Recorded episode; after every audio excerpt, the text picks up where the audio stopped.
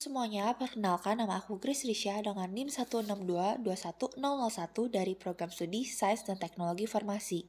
Jadi, di podcast ini aku ingin membahas tentang isu kefarmasian yaitu boleh nggak sih kita menghancurkan obat tablet sebelum diminum, kayak digerus dulu atau dikunyah dulu biar gampang ditelennya. Nah, aku bahas permasalahan ini karena aku punya temen yang nggak bisa minum obat tablet secara langsung. Jadi, waktu itu aku lagi staycation bareng, dan saat itu dia lagi sakit dan pengen konsumsi obat tablet.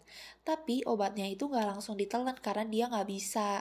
Jadi dia selalu konsumsinya entah harus digerus dulu, dibagi jadi potongan yang lebih kecil, atau dilarutkan di dalam air. Nah, mungkin banyak dari teman-teman di luar sana yang kasusnya ini sama kayak temanku. Jadi dia nggak bisa mengonsumsi obat tablet yang bentukannya besar-besar seperti itu. Nah, aku ini mau edukasi kalian bahwa nggak semua obat tablet itu aman untuk dihancurkan terlebih dahulu ya. Kalian harus tahu bahwa kita tidak boleh mengunyah, menggerus, ataupun menghancurkan obat, baik itu dalam bentuk tablet, kapsul, kaplet, ataupun pil tanpa adanya persetujuan dari dokter dan petunjuk informasi yang tertera pada kemasan obat. Kenapa sih emangnya nggak boleh dihancurin dulu? Jadi, setiap obat itu sudah dirancang sedemikian rupa agar dapat berefek bagi tubuh. Dalam bentuk sediaan juga termasuk dari rancangan kerja obat tersebut. Sehingga untuk sediaan tablet memang didesain untuk langsung ditelan. Nah, menghancurkan obat tanpa arahan dan profesional dapat menggagalkan efek dari obat tersebut atau bahkan dapat menyebabkan pelepasan obat dengan dosis yang berlebihan. Dan itu pastinya nggak baik untuk tubuh.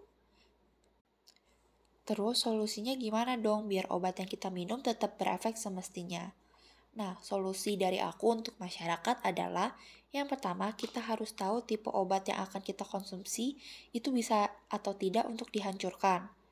Tablet tanpa pelapis dan obat dengan lapisan gula atau film masih memungkinkan untuk digerus, tapi untuk tipe obat dengan lapisan lepas lambat tidak bisa dihancurkan, karena pembuatan obat ini bertujuan untuk memperlambat pelepasan zat aktif dalam obat, sehingga akan mengurangi frekuensi pemakaian obat, misalkan dari tiga kali sehari jadi hanya satu kali dalam sehari, tetapi dosis obatnya itu desain untuk lepas secara lambat dalam tubuh.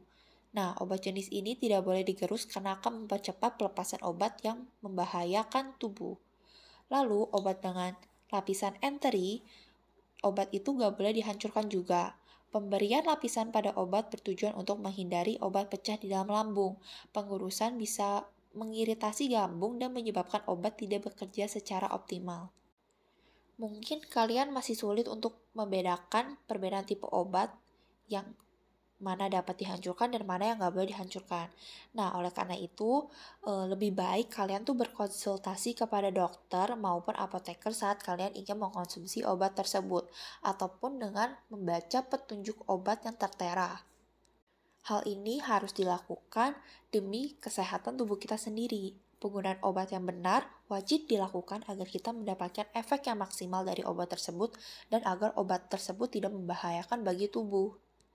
Nah, sebagai mahasiswa farmasi, ada baiknya kita mulai mengedukasi tentang penggunaan obat secara benar ke orang-orang yang masih awam, agar obat yang mereka konsumsi aman bagi tubuh mereka dan berefek bagi tubuh mereka dengan semestinya.